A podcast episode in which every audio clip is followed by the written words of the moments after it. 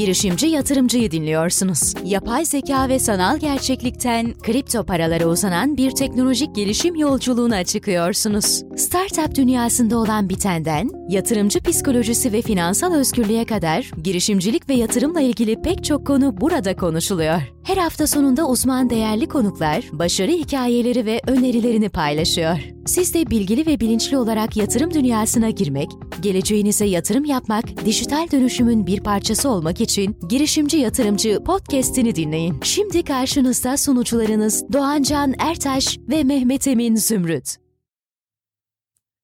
Merhabalar, Girişimci Yatırımcının dördüncü bölümü Vergileri Anlamak konulu bölümümüze hoş geldiniz.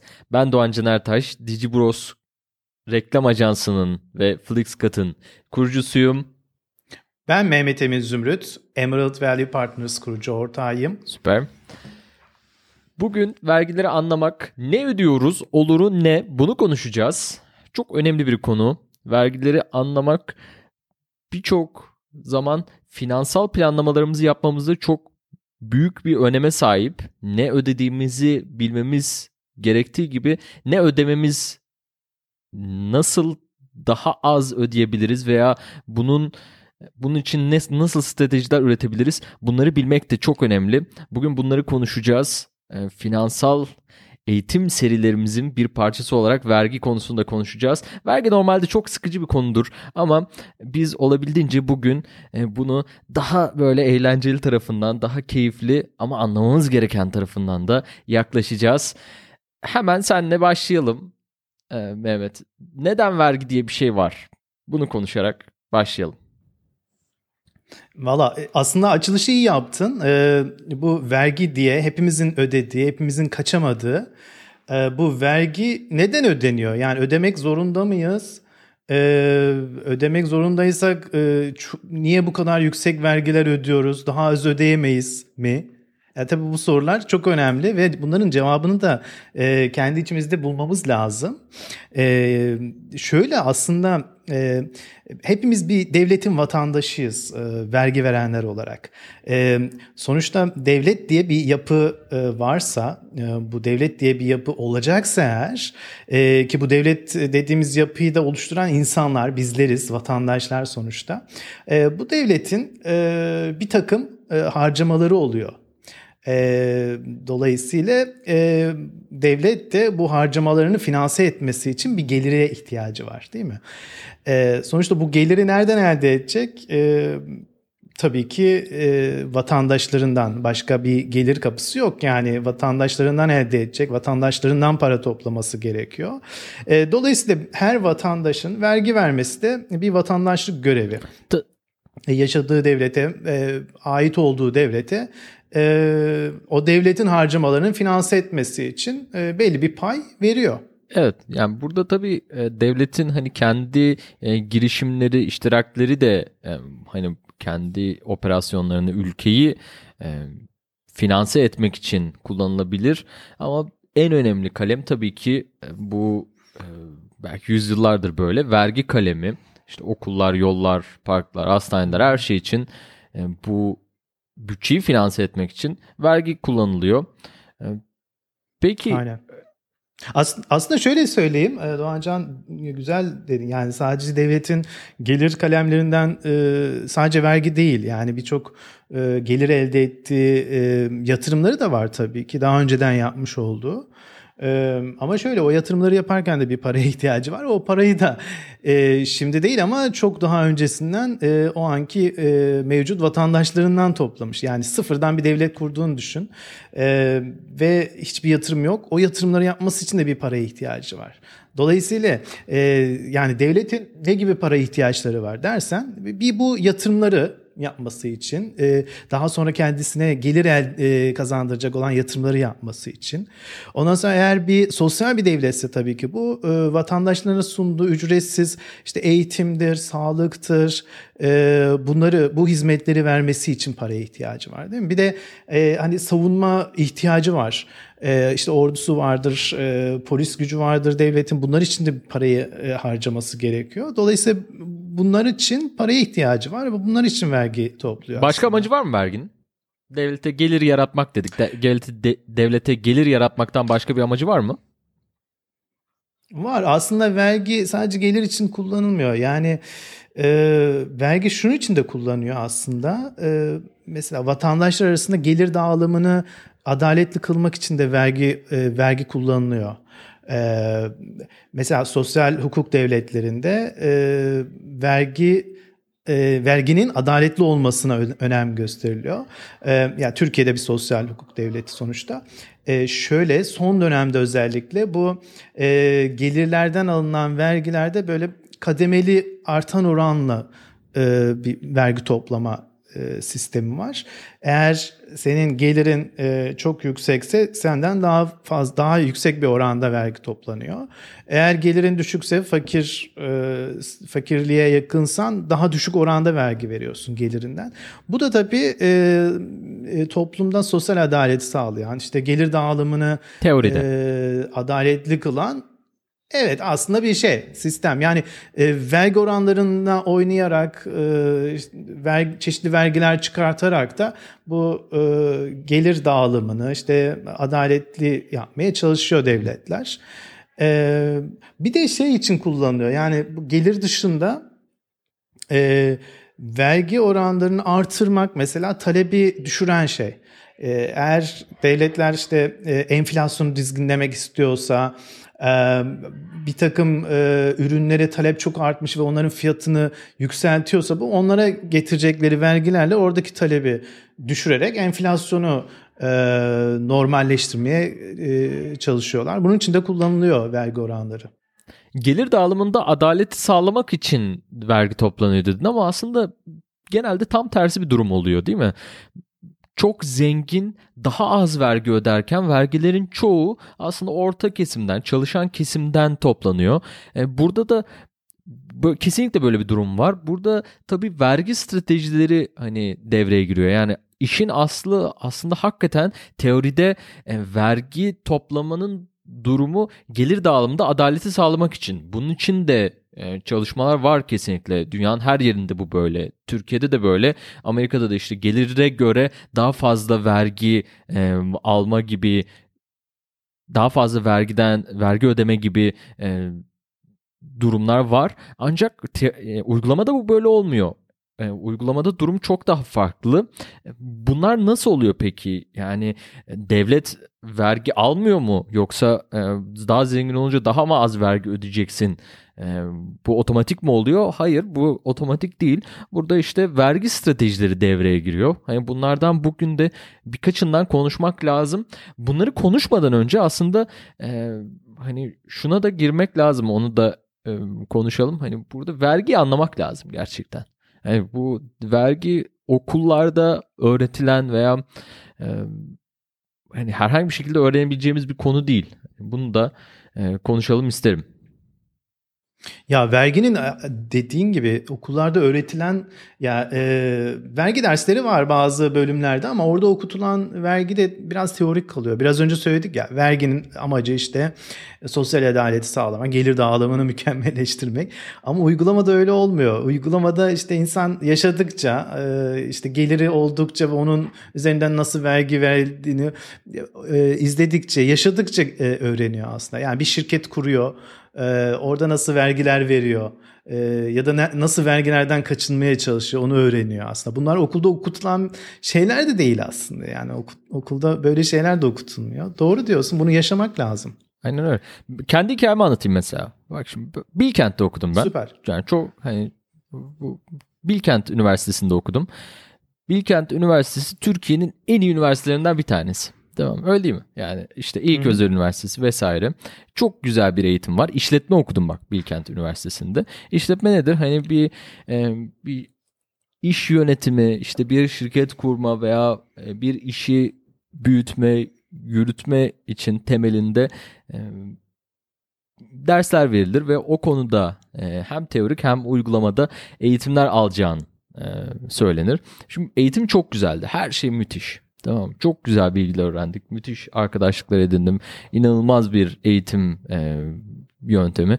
6 senede bitirdim ama e, gü- güzeldi kesinlikle.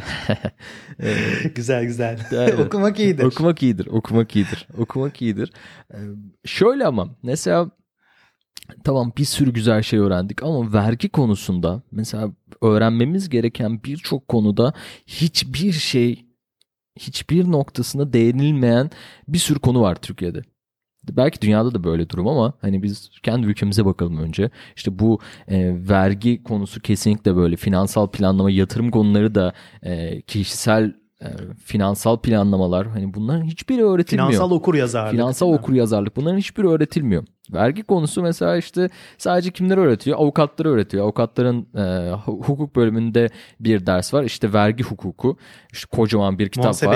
E, herkes böyle işte o o dersten böyle kaçmaya çalışıyor. İşte çok karışık işte zor ders falan e, sıkıcı ders diye belki hani e, muhasebeciler kesinlikle iktisat bölümlerine e, sadece o dersler veriliyor belki çünkü niye böyle düşünülüyor E, sadece e, hukukçular ve e, iktisatçılar vergi öğrenmelidir. Başka kimse vergi hakkında öğrenmesin. Böyle bir görüş var herhalde.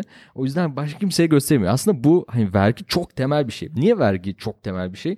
Hani ölüm değil mi? Ölüm, doğum, vergiler. Hani dünyanın gerçeği. Hani vergi ödemek daha yani hayata atıldıktan sonra yani para para harcamaya başladığın her andan dolaylı olarak vergi ödüyorsun. Çalışmaya başladıktan sonra doğrudan vergilerini ödemeye başlıyorsun. Hayatın boyunca vergi ödüyorsun. O yüzden bunu hani çok önceden de öğrenmek lazım. Yani bu sadece üniversite eğitimi değil. Bak bunun lisede verilmesi lazım bu eğitimin. Niye Kesinlikle vergi veriyoruz? katılıyorum. Tamam mı? Ne vergileri veriyoruz? Çok basit olarak işte bizim eskiden milli güvenlik dersleri falan vardı. İşte e, bir sürü böyle e, haftada bir saat verilen dersler var. Bunlar da bunlar da niye olmasın? Tamam mı? Hani insanlar bu konuda daha bilinçli ama bazıları da bilinçli yapılıyor. Tamam mı? Niye öğrenilsin? Vergi konusu niye öğrenilsin? Öyle Yani- bir durum da var. Öğrenilmemesi işimize Ya- geliyor. Öyle bir durum da var. Evet. Tabii. Bunları konuşmamız Bilmiyorum lazım. Yani öyle şeyler oluyor mu? Bunlar bu programda şey- konuşulacak. Şimdi şöyle bir şey e, Doğancan yani böyle aslında üniversiteden beklentini şöyle yani her konuda sadece vergi değil işte finansal e, konular değil her konuda böyle bir teorik öğretiliyor. Yani uygulamaya yönelik bir şey öğretilmiyor aslında. Ee, yani teori kitaplar ne diyor nasıl olması gerekiyor tamam onu öğretiyor. Ama uygulamayı sen üniversiteden mezun olduktan sonra bir şirkete girip ya da şirket kurup e, o iş hayatına atıldıktan sonra öğreniyorsun birçok şeyi. Yani e, maalesef e, işte lisede öyle, üniversitelerde öyle, e, eğitim e, kurumları çok teorik kalıyor. E, hayata dair böyle uygulamaya dair şeyler öğretmiyor. Maalesef yaşayarak öğreniyoruz bu tür şeyleri de. Vergi dahil. Evet. Vergi vergi verdikçe öğreniyoruz. Yani vergi bizi rahatsız etmeye başladıkça araştırıyoruz belki ve vergiden de e, kaçınmaya çalışıyoruz. Doğru. Yani devletler ne kadar çok vergi ver, al toplayacağız, gelirimiz ne kadar artacak diye uğraşırken vatandaşlar da e, aynı şekilde ne kadar vergiden kaçınırız, ne kadar az vergi veririz diye uğraşıyor. Dolayısıyla e, bir şekilde kaçan kaçıyor, kaçamayan da e, vergisini paşa paşa veriyor gibi bir durum ortaya çıkıyor. Bu da hani biraz önce söyledim ya teoride hani verginin gelir adaletini sağlaması gibi bir fonksiyonu var.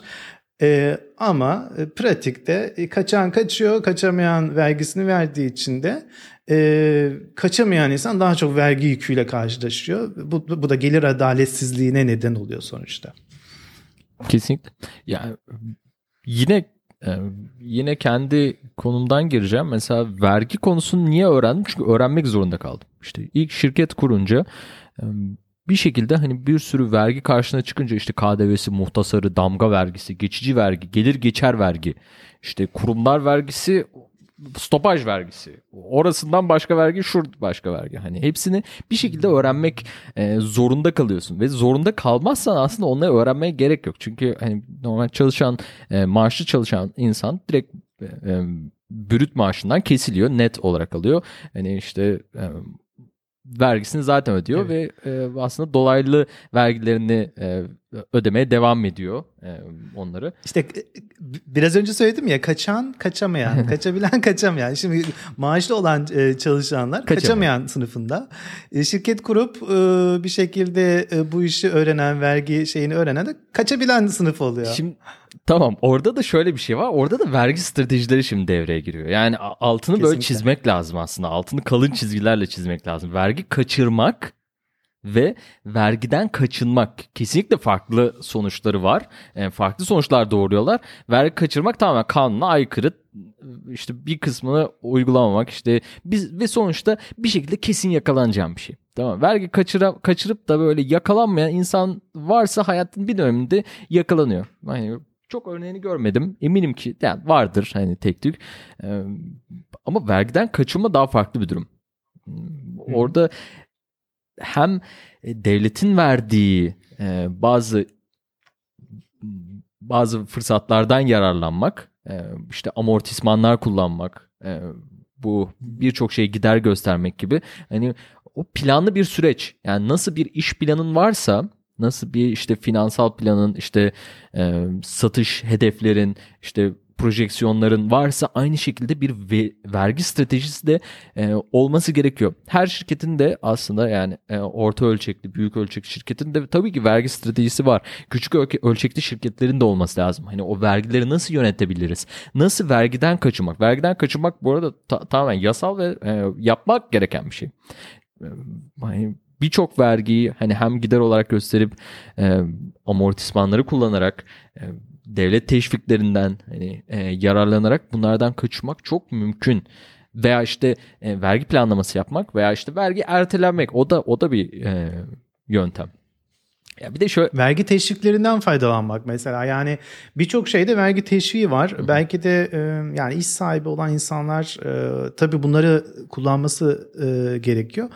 Şöyle aslında vergiden kaçınmak e, legal bir şey.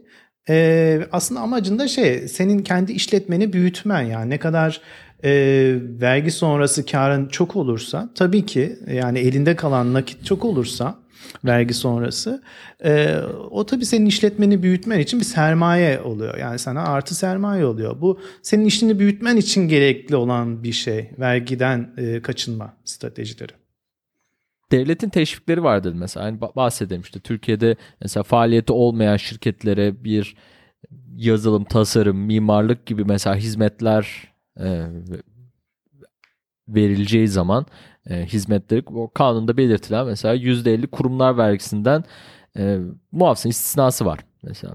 Benim kullandığım mesela 20 e, bunu 3 yıldır kullandık. Çok güzel bir e, program. E, herkes de bunu artık biliyor. Çok yaygın bu. İşte 29 yaş altı genç girişimcilerin işte 75 bin TL'ye kadar olan e, kazancından gelir vergisi istisnası. Bunlar hani e, çok yaygın olarak e, kullanılan işte sigorta e, sigorta sigortayı da karşılıyor işte 12 aya kadar e, yine genç girişimciler için. E, bunun, bunların önünde çok açmış durumda aslında yani devlet. Hani e, şu an çok bir gençlerde de hmm, hem bizim kesimde de bir sürü böyle şirket kuran e, kendi fikirlerini ortaya çıkaran, deneyen insanlar var. Eminim bu podcast'i de dinleyen e, bunlar arasında bir sürü insan var bu şekilde bu e, durumda olan. E, bun, bunlar hakkında daha bilinçli olmak lazım. E, vergileri nereye ödediğimizi, e, nasıl bunun planlamasını yapabileceğimiz konusunda e, bilinçli olmak lazım. E, öncelikle tabii bunun yolu nereye ne vergileri ödediğimizi bilmekten geçiyor. E, işte bu Türkiye'deki vergi sistemi bir şekilde e, öğrenmek gerekiyor. İşte bu bahsettiğimiz işte muhtasar vergiler, gelir geçer vergiler, stopaj gibi. Hani bunu burada şimdi konuya girmeyelim. Bunu e, daha olabilecek yani sıkıcı bir program haline dönüştürmeyelim. E, ama buna bir talep gelirse evet, evet. Hani detayda gireriz. Aynen. Yani şey yapalım mı Doğancı? Yani çok basit değinelim aslında çok detaya girmeden. Ee, aslında bir dolaylı vergiler var bir de e, doğrudan direkt alınan vergiler tamam, var. Onlara konuşalım. E, şimdi Aynen. Direkt alınan mesela şey e, işte gelirlerden alınan vergiler Doğru. diyeyim. E, bu hani kişilerin e, olabilir ya da şirketlerin de olabilir. Şirketlerin kazancından alınan vergiler. Kurumlar vergisi deniyor. Ya da kişilerin gelirlerinden alınan gelirler vergisi. Bunlar kademeli artan oranlar. Hani biraz önce bahsettiğimiz işte daha fazla geliri varsa ondan daha yüksek oranda vergi alınıyor gibi. Stopaj dolaylı var. vergiler var. Evet stopajlar var. Evet bir de asıl e, Türkiye'de çok fazla yaygın olan dolaylı vergiler var. E, asıl e, vergi yükünü getiren Türkiye'de bu dolaylı vergiler. E, burada da e, toplam e, verginin yaklaşık yüzde 65'i falan yüzde 65 üçte ikisi diyeyim bu dolaylı vergilerden toplanıyor Türkiye'de. Ee, yani bu bu oran işte gelişmiş ülkelerde çok daha düşük. Ee, işte 1 bölü 3'ü kadar. Ee, yani aslında biraz önce bahsettik ya Türkiye'de vergi adaletsizliğini e, nedenlerinden biri de bu dolaylı vergilerin çok fazla olması. Bunlar neler diyecek olursan işte en önemlisi katma değer vergisi KDV. Ee, işte özel tüketim vergisi, özel iletişim vergisi e, falan filan. Yani e, bir sürü vergiler, vergilerin vergileri var mesela işte. E, işte İthalat vergileri, dış ticaret vergileri. Aynen. Oo evet. Yani ÖTV ödüyorsun onun üstünden damga vergin KDV var. Hesaplanıyor. Damga vergileri tabii. İşte ev alırken ödediğim vergiler işte. Mesela şey böyle e, çok verilen örnektir. Mesela bir araba alıyorsun. Ee, iki tane de araba devlete veriyorsun. Ee, bilirsin o örneği. Tabii. İki mi üç mü? Ee, Türkiye... Değişiyor o. yani artık artıyor yani o. Aldığın aldığın arabaya göre değişiyor, değişiyor. tabii. Yani e, eğer araba şeyse vergi durumları var çünkü. Hacmi yüksekse, Hı-hı. motor hacmi yüksekse sen daha fazla arabayı devlete veriyorsun tabii. Evet. Aynen. 2-3 arabayı devlete veriyorsun. İşte bu benzin alırken ne bileyim yarısını devlete veriyorsun e, falan filan. Yani böyle dolaylı vergiler o kadar yüksek ki Türkiye'de. E, bu hem e, vergi adaletsizliğini işte sosyal adaleti etkileyen bir unsur Türkiye'de. Ama devlet de buna birazcık şey yapıyor. Yani vergi gelirlerini artırmak için e, buna başvuruyor. Bu dolaylı vergiler. Yeni vergiler çıkarıyor. işte vergi oranlarını yükseltiyor belki. E, ve dolaylı vergilerden daha kolay vergi toplayabildiğini düşünüyor. Ee, mesele burada yani. yani. Yani burada da bir kısır döngü var kesinlikle. Yani bu kadar var tabii. Hani bunlarla ilgili ne yapılabilir? Ee, dolaylı vergi ödemekten kaçınmak gibi bir durum var mı?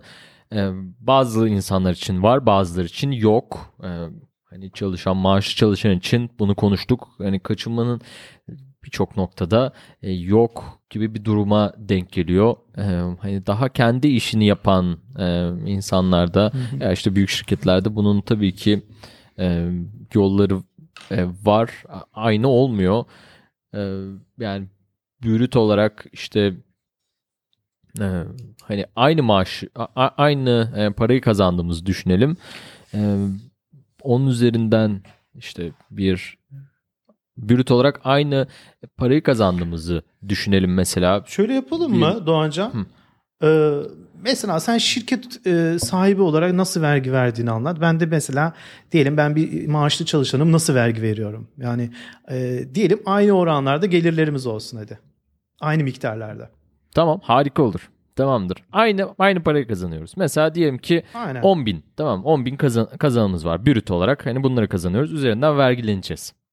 Tamam. Şimdi Hı-hı. bunun e, öncelikle bir gelir vergisi var. Yani kurumlar vergisi ödüyoruz. Kurumlar vergisi %20 idi %25'e çıktı.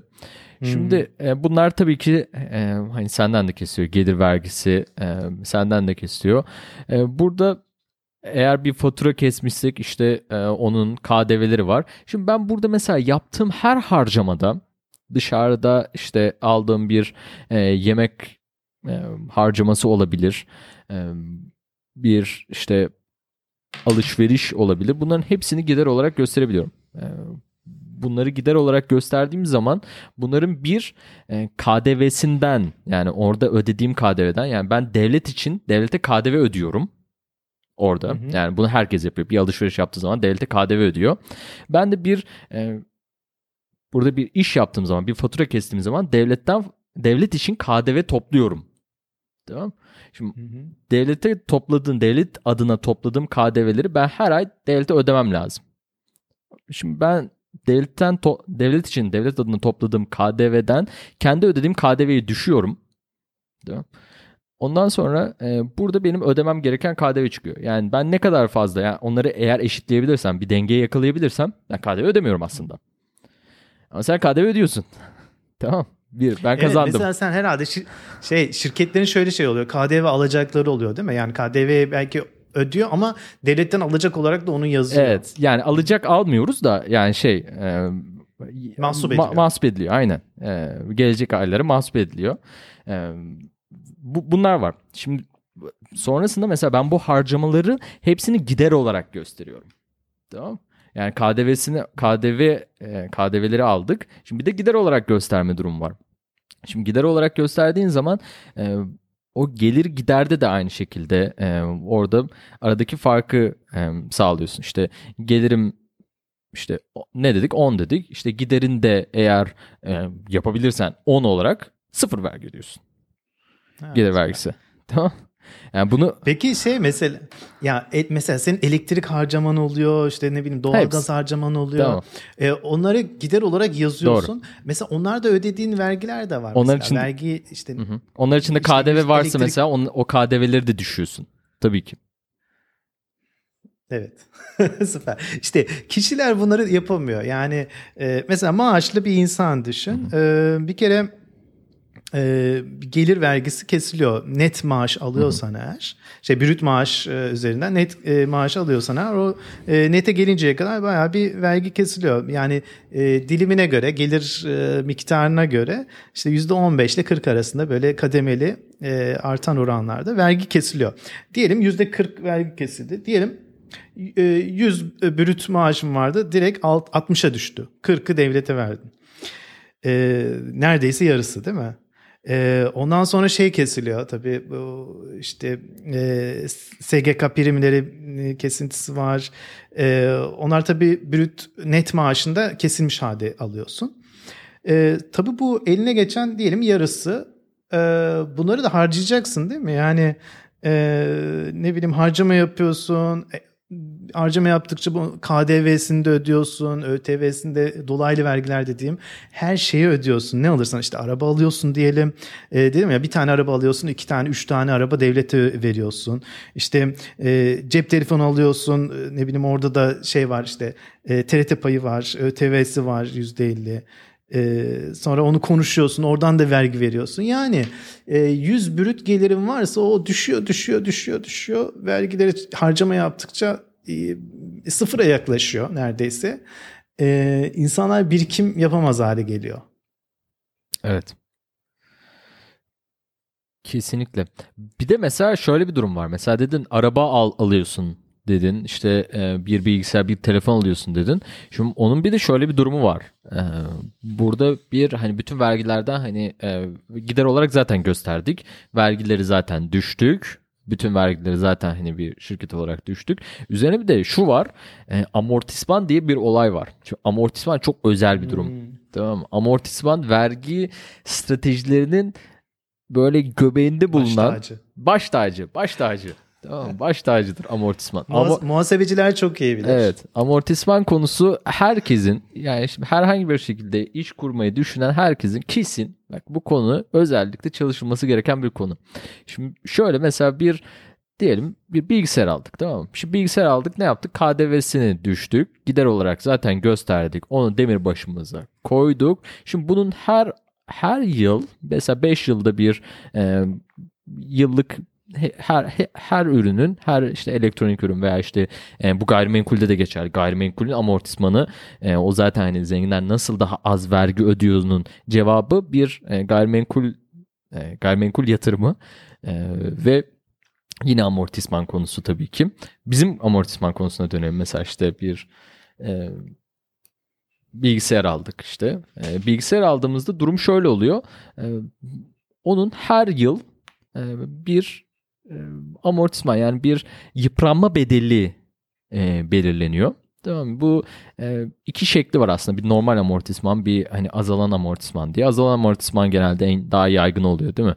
E, öyle oluyor. Hı hı. E, ilk başta işte daha fazla e, hani yıpranma diye planlıyorsun. İşte yüzde 40 yıprandı e, diye gösteriyorsun ve işte sonucunda bu yıpranmaları sen yine gider olarak gösteriyorsun. Yani ben şey diyelim ki e, 10 bin liraya bir aldım, bir bilgisayar aldım. Bunu 5 yıl içerisinde e, sadece 10 bin değil, ben bunu e, toplamda işte 18 bin liralık bir gider olarak gösterebilirim. Teoride. Hı hı. Bunu da e, eğer uygulamaya sokarsak e, bunu bu şekilde çalışılabiliyor. Amortisman konusu. Ya aslında aslında stratejiler e, birçok strateji geliştirebilirsin. E, ama tek amacı herhalde burada mesela kurumların bir geliri var. Satışlarından elde ettiği bir gelir var. Ee, ve bu gelir işte harcamalar düştükçe en altta vergi öncesi kar ve o vergi matrağı dediğimiz o e, oluşan kar onun üzerinden vergi hesaplanıyor. Şimdi şirketler vergiden kaçınmak için de e, gelirlerini artırmaları iyi bir şey. E, ama vergiden kaçınmak için de e, karlarını düş, düşürmek zorundalar. Yani e, harcamalarını yükseltmek zorundalar. Evet. Ama burada tabii fazladan harcama yapmak da mantıklı değil. Sonuçta şirketin e, cebinden e, para çıkmış olacak. Ama birçok e, masrafı e, şirketin masrafı e, olarak gösterebilirsin. E, artı e, nakit e, zaten nakit çıkışı olarak yaptın. Bilgisayar aldın mesela. İlk başta nakit çıkışı olarak bunu aldın. E, ve onu e, ilk yıllarda nasıl vergi daha az vergi verirsin e, diye düşünerek e, bunun amortismanı ilk yıllarda daha fazla e, yazarsın azalan oranda. E, e, ve ilk yıllarda daha az vergi verirsin. Bunun amacı da şey aslında. İlk yıllarda ne kadar az vergi verirsen e, senin elinde biriken sermaye o kadar çok oluyor. Ve o sermayeyi sen kullanarak bir sonraki sene e, daha e, fazla kar edebilirsin. Yani elindeki sermaye ne kadar yüksek olursa o kadar daha fazla kar edebilirsin. Ama sen sermayeyi ilk yıldan vergi vererek azaltmış olursan senin elinde daha az sermaye birikmiş olacak ve senin bir sonraki senen e, daha az kar etmiş olacaksın. Kesinlikle. Aynen öyle. Ya şimdi yavaş yavaş programın da sonuna yaklaşıyoruz. Şöyle bir e, hani son bir konuya gireceğim. Ondan önce şöyle bir toparlayalım istersem. Şimdi vergi stratejisi oluşturmak e, hem daha fazla e, gelir kenara koymak, tasarruf yapmak ve bu tasarrufu daha fazla yatırıma dönüştürmek anlamına geliyor. Bu arada yatırımlar da e, yaptığımız yatırımlar da işte BES yatırımları veya işte e, yaptığımız başka yatırımlar onların nasıl e, orada bir kazanç sağladığımızda onları onları kazanç üzerinden bir vergi veriyorsak o yaptığımız yatırımları da ayrıca gider olarak gösterebiliyoruz. O da özel güzel bir noktası. Hı hı. E, bunu da herkesin not almasını tavsiye ederiz. Özellikle girişimci yatırımcı programı e, gereği burada. E, yani ne kadar fazla bu planlamayı detaylı ve güzel bir şekilde yapabilirsek bu konuda daha fazla e, gelir kaynağı kendimize oluşturabiliriz. E, Aynen. Kesinlikle böyle. Şimdi bu bu şey e, devletin tanıdığı vergi teşviklerinden Hı-hı. bir tanesi bahsettin aslında. Devletin e, tanıdığı vergi teşviklerini de kullanmak gerekiyor bu anlamda. Evet. Kesinlikle o yani devlet devletlerin tanıdığı e, vergi teşviklerin gündeme almak ve onlara uygun olarak planlamaları yapmak. E, şirketler bunun üzerine e, gerçekten bütün planlamalar organizasyonel planlamalarını da yapıyorlar. E, hani bu konu gerçekten o kadar önemli bir konu. Çünkü yani ne kadar para kazandığının aslında çok bir önemi yok. Yani onun zaten %50'sini vergi veriyorsan hani ne anladım o işten gibi duruma geliyor e, bir noktada. Yani çok boyutlu olarak değerlendirmek lazım. Şimdi devletlerin bu teşviklerinden bahsettik. Bunu bahsetmişken e, bu konuyu çok sevdiğini biliyorum. E, herkes de bu konunun hastası. Bir, biz de bu konuyu konuşalım ve öğrenelim isteriz vergi cennetleri. Neredir vergi cennetleri? Vergi cenneti ne? Vergi cenneti nasıl vergi cenneti olunur? E, bu konuda görüşlerini merak ediyorum. Ya aslında şöyle vergi cennetleri var e, dünyada ve e, şirketler, kurumlar e, bu vergi cennetlerinde şirket kurarak e, bu vergi avantajlarından e, faydalanıyorlar. E, aslında e, bundan önce şeyi söyleyeyim. Bu kurumlar vergisi oranlarını e, devletler çok e, yükseltemiyorlar. E, yani Türkiye'de e, son dönemde yükseldi oran. E, gerçi ama e, genelde insan, e, devletler bu oranları kurumlar vergisi oranlarını yükseltemiyorlar çünkü e, dünyada e, küreselleşen dünyada e, şirketler e, yüksek vergi olan e, ülkelerde kalmak istemiyorlar. E, dolayısıyla vergi vergisi e, düşük olan ülkeleri tercih ediyorlar bu anlamda. O yüzden de devletler kurumlar vergisini artıramıyor, e, işte dolaylı vergileri artırmaya çalışıyor e, ya da çalışanlar üzerinden alınan vergileri artırmaya çalışıyor. Dünyada nereler var? Ben Dubai'de yaşıyorum. Mesela Dubai'de kurumlar vergisi yok. Son birkaç seneye kadar da burada hiçbir vergi yok idi. Bir tek %5 KDV uygulanmaya başlandı birkaç sene öncesinden. Mesela Dubai'yi sayabilirim bu anlamda. Bunun dışında Malta var mesela Avrupa Birliği içerisinde. Yine kurumsal. Orada da buyurun. O, yine kurum evet mesela bir şirketim varsa e, orada tabii e, bir %35'lik kurumlar vergisi var ama yabancı bir şirket e, olduğun zaman e, %30'unu e, devlet iade veriyor. Bu da devletlerin uyguladığı bir teşvik mahiyetinde. Yani devlet e, devletler diyor ki e, kurumlar gelsinler e, burada şirket kurulsun e, yabancı yatırımcılar burada şirket kursun ve burada faaliyet göstersin e, ve benim ekonomimi de geliştirsin. Bu amaçla aslında vergi cennetleri doğuyor. Kesinlikle. Yani kurumlar vergisi mesela işte son dönemde e, biz bunu 22 e, Nisan'da kaydediyoruz e, şu an. Geçen hafta mesela %20 idi bu kurumlar vergisi Türkiye'de. %25 oldu. E, çok çok ciddi bir e, artış bu yani ne kadar e, burada ne kadar fazla vergi ödediğimizi e, tekrar e, düşündürmesi gereken bir nokta. Şu an dünya çok e, çok farklı bir noktaya ilerliyor. Hele bu Covid ile birlikte e, artık dijital göçebelik diye bir kavram var. Digital nomad diye bir kavram var. Sen de mesela Dubai'desin. Bu birçok insan e, farklı ülkelere e, giderek orada çalışarak e, Hatta şöyle bir vize var artık. Digital Nomad vizesi. Dijital göçebe vizesi. İşte mesela Karayipler çıkarttı bunu. Ee, geçtiğimiz ay Mart'ta çıkarttılar. Karayipler'de e, gidiyorsun direkt sana bir yıllık bir çalışma izni veriyor. Ya hoş geldin diyor. E, ve vergi avantajları e, kesinlikle yine orada kurumlar vergisi çok çok düşük. E, inanılmaz avantajlı yerler var.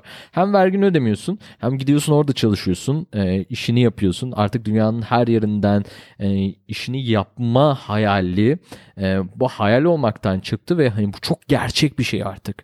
Yani dünyanın her yerinden şu bilgisayarla gidip e, birçok işi halledebilirsin. Bu podcast'i kaydedip hayatın podcast yaparak mesela geçiren birçok insan var dünyada e, veya farklı e, konularda yapılabilecek bir sürü iş var e, ve bu gün geçtikçe artıyor. Bunların e, listeleri de yani çok kolay bir şekilde ulaşılabilir.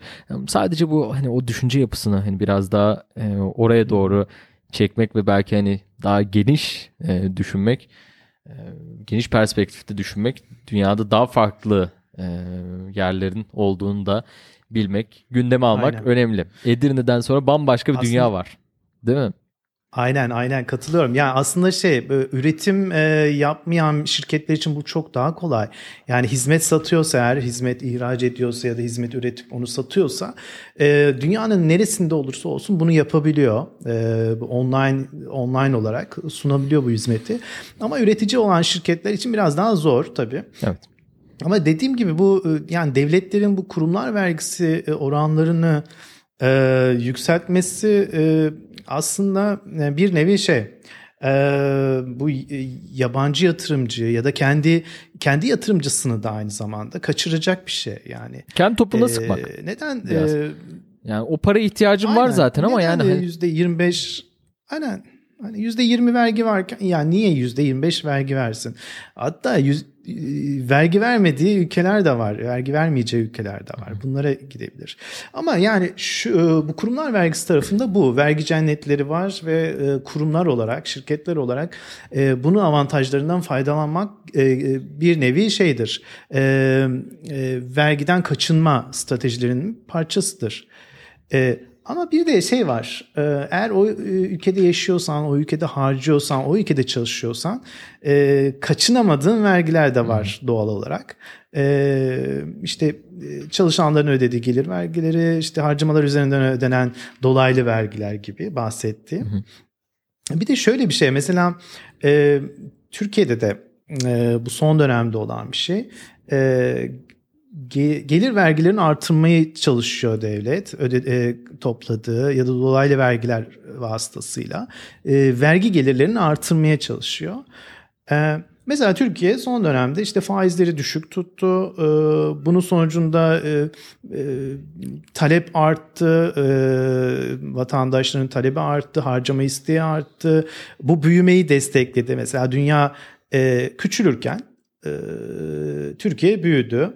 E, bu da doğal olarak vergi gelirlerini artırdı devletin. E, devlet bundan belki memnun oldu çünkü yaptığı harcamaları e, bir nevi vergilerle de finanse etmiş oldu bu anlamda. E, ama e, bu bu doğru bir strateji miydi? Bu tartışılır tabii ki. Yani e, kısa dönemli vergi gelirlerini artırmak için uygulanan bu strateji e, belki de uzun vadeli etkileri çok daha kötü olacak. Evet. Yani vergi hani bunlardan konuştuk tabii e, vergiden kaçınma gibi ama şimdi şunu da tabii e, şundan bahsetmek lazım. Vergi bir sorumluluk. Bir vatandaş olarak bizim sorumluluğumuz. Vergi ödemek e, hani bu hangi ülkede yaşıyorsak, e, hangi ülkenin vatandaşıysak işte e, Türkiye'de yaşayan biri olarak e, bu vergiyi ödemek bizim devletimize karşı bir sorumluluğumuz. Yaşadığımız yere karşı, çevremizdeki insanlara karşı bir sorumluluğumuz ve bunu ödemek aslında bir prestij de aynı zamanda hem kurumlar için hem birey, bireyler için de bir prestij de yaratıyor. Hani yani kurumlar için mesela ne kadar vergi ödüyorsan o kadar fazla kredi puanın artıyor gibi daha prestijli bir şirket oluyorsun. Onlar bir yana. Yani burada bahsettiğimiz şey yani bu onu bir gerçekten hani bir e, planlama çerçevesinde yapmak. Hani komple niye vergi ödüyoruz? Asla vergi ödememeliyiz gibi böyle bir şeyden bahsetmiyoruz tabii ki.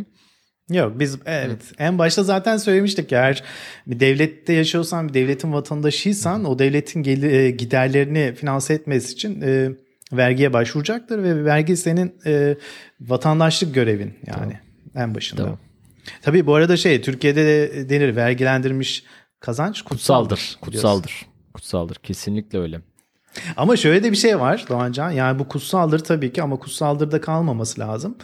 Eğer vergi veriyorsan bir vatandaş olarak görevini yapıyorsan o verginin nerede kullanıldığını da e, araştırman, sorgulaman. E, en doğal hakkın. Ara, e, en doğal hakkın olmalı değil mi? Kesinlikle. Kesinlikle. Tamam.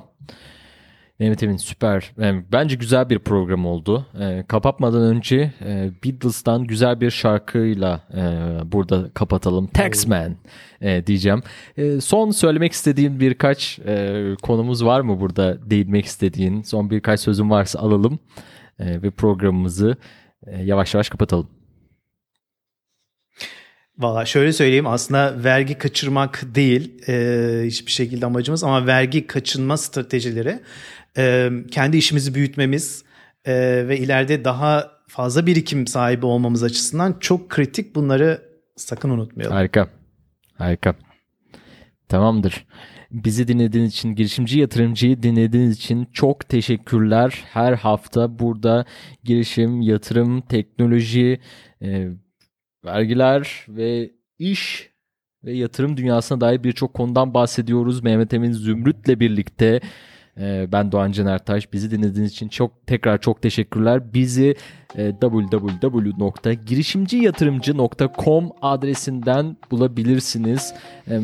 Orada hem bizim yaptığımız işlerle ilgili e, birçok bilgiye de ulaşabilirsiniz. Takip etmenizi e, tavsiye ederiz efendim. Bizi dinlediğiniz için çok teşekkürler. haftaya görüşmek üzere. Hoşçakalın. Hoşçakalın. Beatles'tan geliyor. Taxman. Harika.